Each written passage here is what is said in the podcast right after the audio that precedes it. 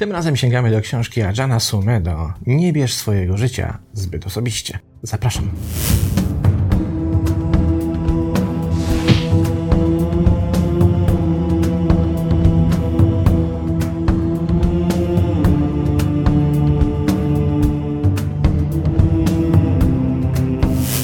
I tradycyjnie zacznijmy od sprawdzenia, kim jest autor książki. Ajan Sumedo, właściwie Robert Jackman, urodzony w 1934 roku w Seattle, jest najprawdopodobniej obecnie jednym z najstarszych mistrzów terawady żyjących na zachodzie i uznanym nauczycielem tajskiej tradycji leśnej. Po służbie w Korpusie Pokoju na wyspie Borneo i pracy w Czerwonym Krzyżu został wyświęcony na nowicjusza w świątyni Wat Sri Saket w Tajlandii. 11 lat później, w 1977 roku, zachęcony przez swojego mistrza Ajana Chaha, osiadł w Anglii, gdzie zaczął zakładać sieć buddyjskich klasztorów. Obecnie jest opatem w buddyjskim klasztorze Amaravati w Anglii. W Polsce ukazała się tylko jedna jego książka, były to wydane w 2017 roku cztery szlachetne prawdy. W sumie wydał książek 34. I uznaje się, że wiele z tych pozycji to dzisiaj absolutnie kluczowe i kultowe pozycje. Nie tylko dotyczące buddyzmu, ale w ogóle naszego rozwoju ścieżki duchowej. Ja oczywiście mam tę książkę wydaną wcześniej w Polsce. Cztery e, szlachetne prawdy. I jak widzicie, to nawet trudno nazwać książką. To jest broszurka ale niezwykle istotna i niezwykle ważna. Książka, którą omawiamy dzisiaj, jest już sporo grubsza i sporo pojemniejsza, ale uznałem, że warto po nią sięgnąć, mimo iż to książka nie nowa, bo tak naprawdę premiera książki Nie bierz swojego życia zbyt osobiście, zbyt personalnie, bo tak możemy tłumaczyć ten tytuł, miała miejsce w 2010 roku, zatem ta książka ma już dzisiaj 12 lat od wydania. I kiedy przeglądałem swoje notatki z przeczytanych wcześniej książek, odkryłem ze zdumieniem, że Ajan Sumedo w ogóle w Polsce praktycznie jest nieznany, z wyjątkiem właśnie tej jednej cienizny broszurowatej. Cztery szlachetne prawdy i warto sięgnąć do jego książek, bo są naprawdę niezwykłe. Książka, którą dzisiaj chciałbym Wam przedstawić, dotyczy pewnego aspektu naszego postrzegania samych siebie w świecie i w rzeczywistości, który pojawia się bardzo rzadko również w książkach buddyjskich, w książkach dotyczących naszej ścieżki duchowej. To jest aspekt naszego postrzegania samych siebie w zbyt osobisty sposób. I ta osobistość percepcji, to, że widzimy świat niejako od środka w tej narracji głównego bohatera, według Ajana Sumedo jest przyczyną wielu naszych problemów. I gdybyśmy tylko zdołali zobaczyć siebie z pewnego dystansu, bez tak potężnego przywiązania do osobistej perspektywy, to moglibyśmy się wielu tych problemów ustrzec i pozbyć. Posłuchajmy.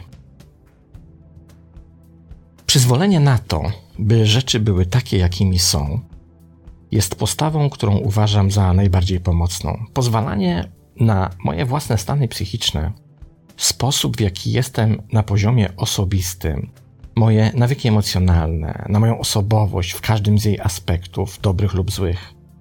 Taka postawa pozwala mi akceptować nie tylko siebie, ale też innych ludzi takimi, jakimi są. Prawdziwe wyzwanie polega po prostu na tym, by móc zintegrować świadomość z najzwyklejszymi rzeczami, z przyziemną rzeczywistością codziennego życia z najmniej imponującymi aspektami tego, co robimy każdego dnia.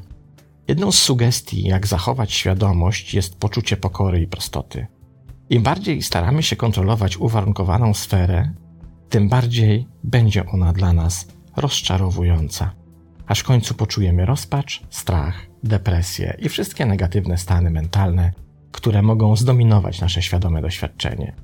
Jeśli zaczniemy postrzegać zamieszanie jako zamieszanie, a niepewność jako niepewność, jest w tym pewien rodzaj jasności. I ta jasność tkwi w poznaniu świata takim, jakim jest, a nie w próbie wyprostowania uwarunkowanego świata, tak aby nigdy nas nie denerwował, ani też nie dezorientował. O czym mówi nauczyciel?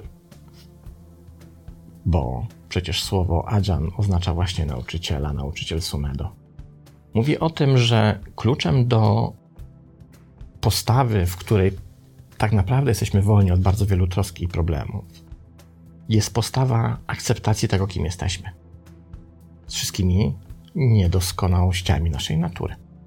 Jak również z wszystkimi stanami, które nam się nie podobają, które uważamy za niepożądane, niepotrzebne, które nas drażnią, denerwują, które chcemy koniecznie naprawić. To innymi słowy postawa, w której akceptujesz to, że możesz mieć zły nastrój. Akceptujesz to, że możesz mieć zły dzień. Ba, akceptujesz to, że możesz się złościć. Akceptujesz to, że coś cię drażni, coś ci przeszkadza, coś ci nie odpowiada. Po prostu to akceptujesz, ale jednocześnie wraz z tą akceptacją nie nadajesz temu stanowi siły. Przyjmujesz postawę, w której uważasz, że okej, okay, złość jest teraz we mnie. No i co? No i nic. Tak jak się pojawiła, tak odejdzie. Rozdrażnienie jest we mnie. Pojawiło się, odejdzie.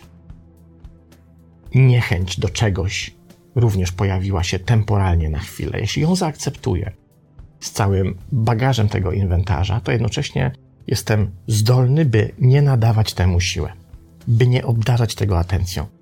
A nadanie siły to nie tylko zanurzenie się w to uczucie, zanurzenie się w tę odczuwalną niedoskonałość, ale również próba jej blokowania. Próba wmawiania sobie, nie, ja się nie złoszczę, ja nie jestem taki, ja jestem taki i tak dalej, i tak dalej. Ilekroć to robimy, tylekroć nadajemy właśnie temu, czego chcemy się pozbyć siły.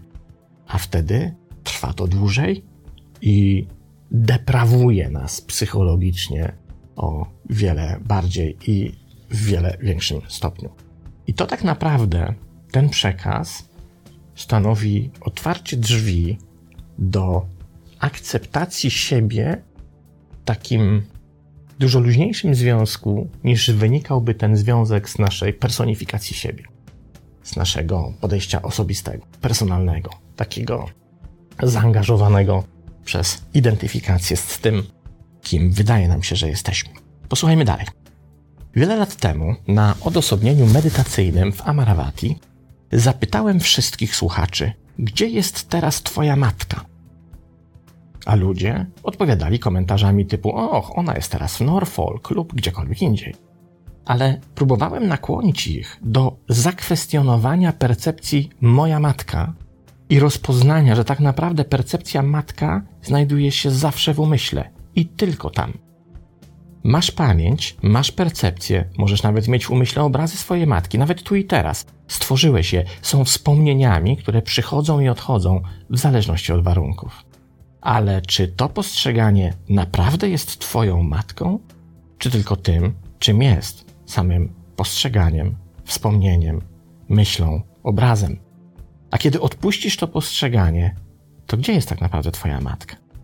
Jak dla mnie, pisze autor, w tej chwili nie jestem w stanie udzielić na to pytanie odpowiedzi. Kluczem jest zaprzestanie ufania obrazom i projekcjom i rozpoczęcie procesu zaufania własnej świadomości. Im bardziej ufam świadomości, tym bardziej zmienia się mój stosunek do warunków, które pojawiają się w moim umyśle. Ufanie własnej świadomości to praktyka intuicyjna. Nie bój się ufać sobie. Nie ufaj swoim opiniom i poglądom. Nie ufaj swoim poglądom na temat buddyzmu, chrześcijaństwa czy czegokolwiek. Ja nie ufam żadnej z tych rzeczy. Nadal mogę mieć poglądy i opinie, ale to nie oznacza, że im ufam. Nie tam jest moje schronienie. Ufam jednak jedynie swej własnej świadomości. W miarę jak to rozwijasz, staje się to coraz silniejsze dzięki Twoim doświadczeniom życiowym. To nie tylko zwiewny i baśniowy idealizm, jest to coś, co wraz z wiekiem daje Ci coraz więcej w siły w radzeniu sobie z problemami z sobą, w życiu, w ludzkim ciele czy społeczeństwie. Zaufanie i otwartość to sposób na odejście od ignorancji. I tu jest kolejna niezwykła idea, która mówi, że jeśli tak jak zaakceptowaliśmy w poprzednim fragmencie nasze emocjonalne stany, że się pojawiają i znikają, tak również jesteśmy w stanie zaakceptować to, że w naszej percepcji świata głównie kierujemy się pewnymi wyobrażeniami, obrazami i projekcjami, ale one są niczym więcej ponad tym, że są konstruktami naszego umysłu, nie są rzeczywistością.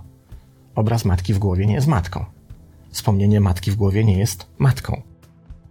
Żadna projekcja nie jest tym, co usiłuje nam przedstawić. To tylko konstrukt naszego umysłu.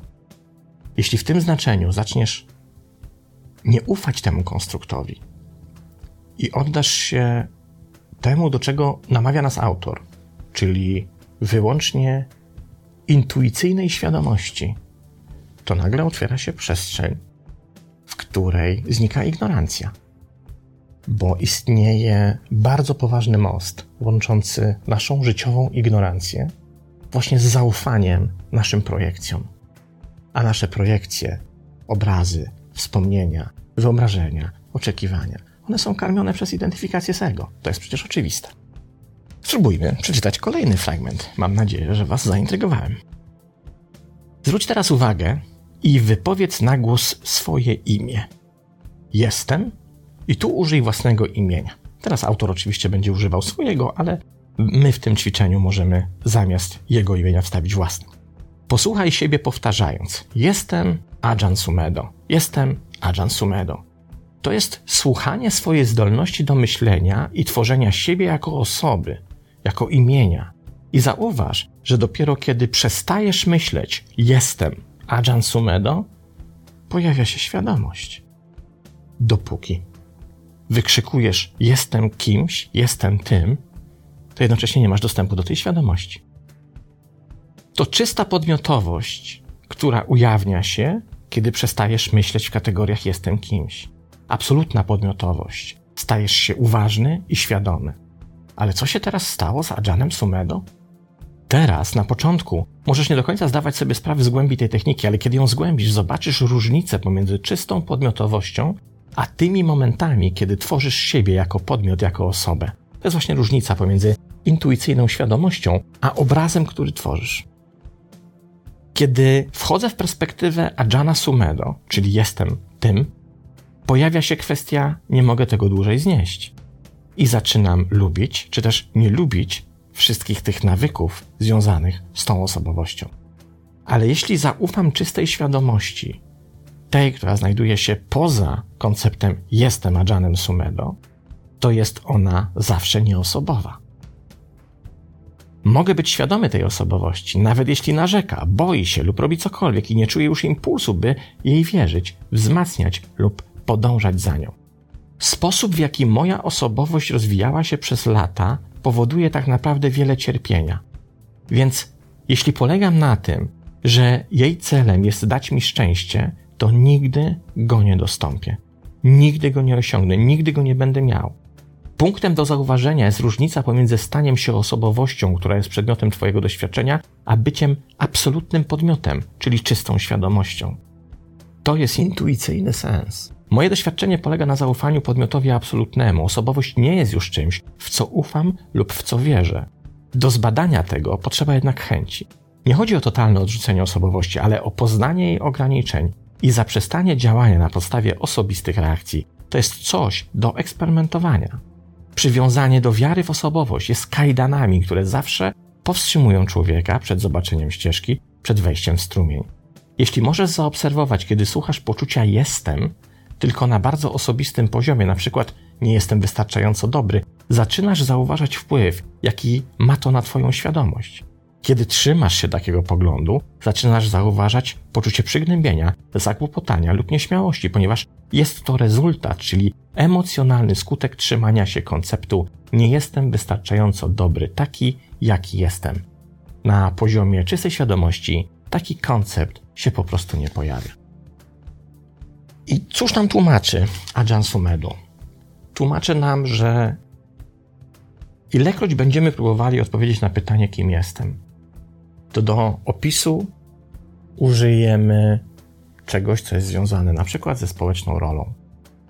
Jestem nauczycielem, mężem, ojcem, prezesem itd. Tak Albo z płcią, jestem mężczyzną, jestem kobietą.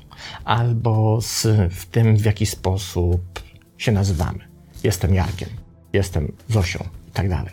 Ilekroć więc użyjemy tego typu odpowiedzi do zdefiniowania konstruktu, który ma opisać naszą osobowość, to tylekroć doświadczymy pewnego finalnego przygnębienia, uzmysłowiwszy sobie, że żadna z tych odpowiedzi tak naprawdę nie oddaje naszej prawdziwej istoty. Żadna z tych odpowiedzi nie jest do końca satysfakcjonująca.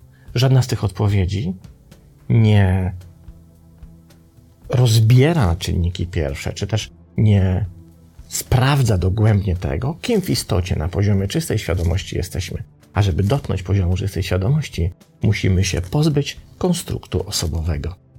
Czyli musimy się pozbyć tego przywiązania do widzenia siebie zbyt osobiście. I to jest przepiękny, przecudowny klucz do zrozumienia własnej istoty. Im bardziej osobowo o sobie myślisz, im bardziej personalnie się traktujesz, tym masz większy kłopot z pozbyciem się tych wszystkich problemów, które to personalne postrzeganie, to postrzeganie z braku dystansu będzie w Twoim życiu generowało. Im bardziej gotowy, gotowa będziesz do zobaczenia siebie z poziomu ponadosobowego, z poziomu zdystansowanego do tej osobistej perspektywy, tym z większą łatwością po pierwsze zaakceptujesz to, kim jesteś, łącznie ze swoimi wszystkimi niedoskonałościami i z tym większą łatwością pozbędziesz się większości psychologicznych problemów, bo zdecydowana ich większość jest przylepiona do twojej osobowości, do konceptu osobowego. Jakież to kurde proste, a jednocześnie jak rzadko jesteśmy w stanie z tej wiedzy i cudownej nauki Adjana Sumego skorzystać. Posłuchajmy dalej. Kiedy zaczynasz ufać świadomości, dostrzegasz przekonanie osobowości, wątpliwości i przywiązanie do konwencji w kategoriach, które sam tworzysz. Nie są to naturalne energie, są jedynie sztuczkami, które dodajesz do chwili obecnej, kiedy wkładasz w tę chwilę swoje doświadczenie. Kiedy iluzja zostaje przełamana i przejrzana, widzisz ścieżkę, widzisz drogę. Więc wtedy dopiero odkrywasz, gdzie znajduje się wejście do strumienia duchowości. Chodzi o to, że musimy uczyć się od tego, jacy jesteśmy, od rodzaju charakteru, jaki mamy. Nie ma idealnego prototypu istoty ludzkiej, w którą powinniśmy się zamienić, którą powinniśmy się stać, zanim będziemy mogli naprawdę praktykować. Jest to kwestia uczenia się, akceptowania tego, jacy jesteśmy bezkrytycznie. Napięcia w ciele, kondycji fizycznej, nawyków umysłowych, czymkolwiek by one nie były, ta postawa będzie skłaniać się ku wiedzy, ku absolutnemu, głębokiemu wglądowi. A kiedy ufasz tej wiedzy, zaczynasz zdawać sobie sprawę z tego, że nie tworzysz ignorancji, która cały czas wpływa na Twoje życie. Nie działasz z uprzedzeń, z ignoranckiego założenia, ale raczej z postawy uczenia się tego, kim naprawdę jesteś. Przepaść między naszymi ludzkimi osobowościami a naszymi ideałami jest ogromna i nigdy nie udaje nam się jej pokonać. Zachęcam do słuchania swojej osobowości bez osądzania, pisze autor a jeśli pojawiają się niedojrzałe emocjonalne reakcje, jeśli pojawi się złość, uraza lub negatywne stany, lub dasz się ponieść inspiracji i wszystkim tym, co dobre w życiu, po prostu powiedz: Okej, okay, dobrze, witajcie. Nie chodzi o to, by coś osądzać, by lgnąć do tego lub coś preferować, ale po prostu o to, by zaufać sobie i zaakceptować siebie w roli świadka. Rzeczy powstają i znikają, są jakie są, i w tej postawie, że to jest jakie jest, znajduje sposób na akceptację doświadczenia bez oceniania. Radzę nie robić z siebie problemu. Zrezygnuj z robienia problemów z samym sobą, z tym, jak dobry lub zły jesteś, albo kim powinieneś lub nie powinieneś być. Naucz się bardziej ufać swojej świadomości, rozpoznaj to i świadomie pomyśl, to jest świadomość, słuchanie, zrelaksowana uwaga wtedy poczujesz połączenie. Jest to stan naturalny, który sam się utrzymuje. Nie od ciebie zależy, czy go tworzysz. Nie jest zależny od warunków, które go wspierają. To jest tu i teraz. To jest tym, co się właśnie dzieje. Jeśli świadomość staje się Twoim schronieniem, osobowość zostanie przyjęta i zaakceptowana, i możesz się z niej uczyć. Nie jest to kwestia pozbycia się osobowości lub ustalenia, czy masz dobrą czy złą osobowość, odpowiednią czy nieodpowiednią. Nie ma znaczenia, jaka jest osobowość, o ile rozpoznasz, że jest nietrwała i rozpoznasz, że poczucie ja i moje powstało z ignorancji. Przestrzeń i świadomość nie są osobiste. Jeśli uznajesz, że tak jest, to po prostu przegapiłeś sedno. I tyle. Ajan Sumedo, słuchajcie, 2010 rok. Książka Nie bierz swojego życia zbyt osobiście. Jedna z 33 książek, które nigdy nie zobaczyły polskiego rynku wydawniczego. Podsumowując, powiem tak. Aż kurczę strach pomyśleć, nie? Co znajduje się w pozostałych 33 książkach. Pozdrawiam i do następnego razu.